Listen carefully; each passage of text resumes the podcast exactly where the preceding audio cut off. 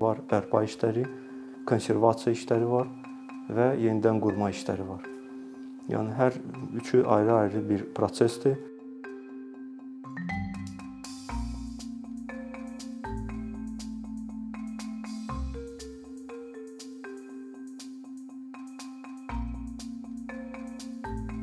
Ümumiyyətlə hər hansı bir tarixi tikili belə deyək də vaxtı vaxtında ə, bərpa olunmalıdır. Yəni o təmirlə onu səhv salmaq lazım deyil. Ə, Bərpa ə, işləri yalnız abidələrə şamil olunur. Bərpa olunacaq abidə qurğu da ola bilər, hansısa texniki tikili də ola bilər, yaşayış, qeyri-yaşayış və s. Ümumiyyətlə beynəlxalq praktikada onun spesifikası nədən ibarətdir? Var bərpa işləri, konservasiya işləri var və yenidən qurma işləri var. Yəni hər üçü ayrı-ayrı bir prosesdir. Texniki normaları var və beynəlxalq normalar var, hansına ki biz riayət edirik və s. Bərpa işində siz binanın xarici qabaritlərin, yəni fiziki qabaritlərini dəyişdirə bilmirsiniz. Siz orada misal üçün müəyyən tutaq ki, arakəsmələr var, hansı ki daşıyıcı divarlar deyir. Sonra orada interyerdə köhnə freskalar, ornamentlər və s. varsa, o mütləq bərpa olunmalıdır. Onu təmir etmək, yəni qəti qadağandır norma ilə. Rekonstruksiyadan, yenidən qurmadan nə ilə fərqlənir? Yenidən qurmada siz binanın xarici qabaritlərini böyüdə bilərsiniz. Yəni fiziki qabaritlərdən biz danışırıq. Müəyyən dərəcədə mərtəbə əlavə oluna bilər.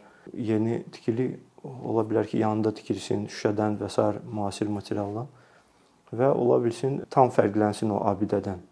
Yəni abidənin üslubu tutaq ki, klassitsizm üslubundadırsa, əlavə olunan hissə misal üçün modern üslubunda ola bilər də, müasir memarlıqda. Sonra var konservasiya. Konservasiya o abidələr hansı ki müəyyən dərəcədə bizim vaxtımıza, yəni bizə gəlib çatıb. Tutaq ki, qədim hansısa qala divarlarıdır. Onu beynəlxalq normalarla yalnız konservasiya etmək olar. Belə bir xartiya var. Venesiya xartiyası 60-cı ildə o sənədlər qəbul olunub 60-cı illərin ortalarında və orada konkret o tələblər yazılıb. Var müxtəlif belə deyək də beynəlxalq cərəyanlar hansı ki vaxt keçdikcə o artıq məktəbə dönüb. Misal çəkmək olar Polşa bərpa məktəbi Böyük Vətən müharibəsindən sonra Krakov şəhəri o ümumiyyətlə yəni o çox dağıntıya məruz qalmışdı. Və ə, professional memarlar, bərpaçılar onlar müxtəlif metodikalardan istifadə edirdilər də. Metodikalar müxtəlifdir. Ə, misal üçün ola bilər ki, ə, bərpa əslində o halda ki, sizdə normal tarixi sənədlər qalıb və o tarixi sənədlər, yəni o sübutlar qalıb, onun ölçü cizgiləri qalıb, tarixi arayışları qalıb o bina haqqında. O halda siz onu bərpa edib və e, o görkəminə qaytara bilərsiniz. Yox, o halda ki, sizdə o sənədlər yoxdur, arxiv sənədlərdən biz danışırıq. O sənədlər yoxdur ki, e, siz onu fərziyyə şəklində qəbul edirsiniz və deyirsiniz ki, bu e, belə ola bilərdi, məsəl üçün. O halda o, yəni bərpa əslində sayılmır beynəlxalq normalarla. O belə rekonstruksiya, yenidən qurma kimi sayılır. Amma yenidən qurmanın biraz belə aşağı səviyyəsidir. Yəni belə bir termin var ki, e, o yerdə ki, e, siz tarixi abidəyə e, yəni fərziyyə edib deyirsiniz ki, bizdə bu binanın tutaq ki, hansısa bir hissəsi, fraqmenti bu formada, bu şəkildə ola bilər də, o artıq restavrasiya sayılmır. O artıq restavrasiya qeyri-restavrasiyadır. Yəni beynəlxalq praktikada qəbul olunub və o praktikada belə bir şərtlər var. Tutaq ki, siz hansısa bir kitabxana binasının yenidən qurması ilə məşğulsunuz.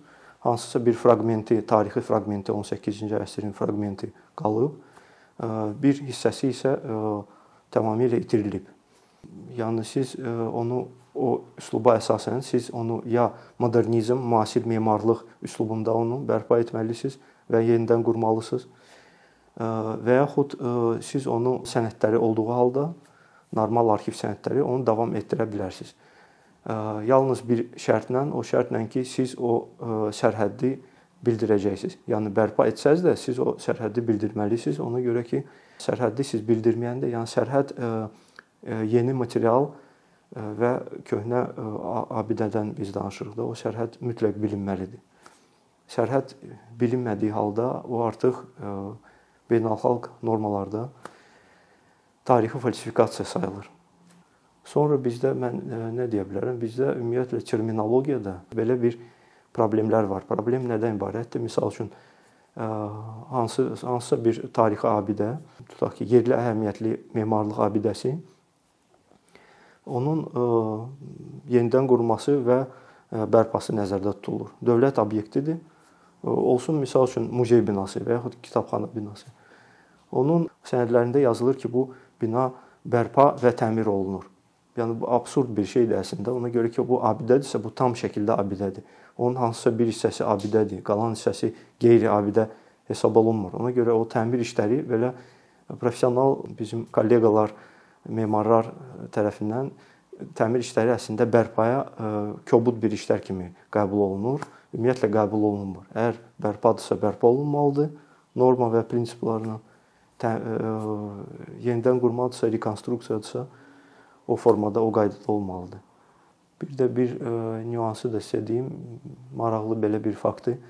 Ə, yəni Bosniya və Hersegovina ərazisində belə bir ə, köhnə tarixi məscid var idi, hansı ki, münaqişədən sonra onun fasadında güllə yerləri və s. o görünürdü və bir qrup mütəxəssislər yığıldılar hər iki tərəfdən.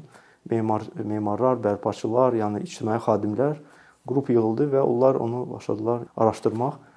Qrup iki yerə əslində bölündü. O bir hissəsi dedi ki, o tarixi məscidi bərpa etmək lazımdır ki, o minaların yerləri, yəni güllələrin yeri görünməsin. Ona görə ki, o görünəndə o deməkdir ki, siz hər dəfə xatırlayırsınız ki, belə bir problem olub.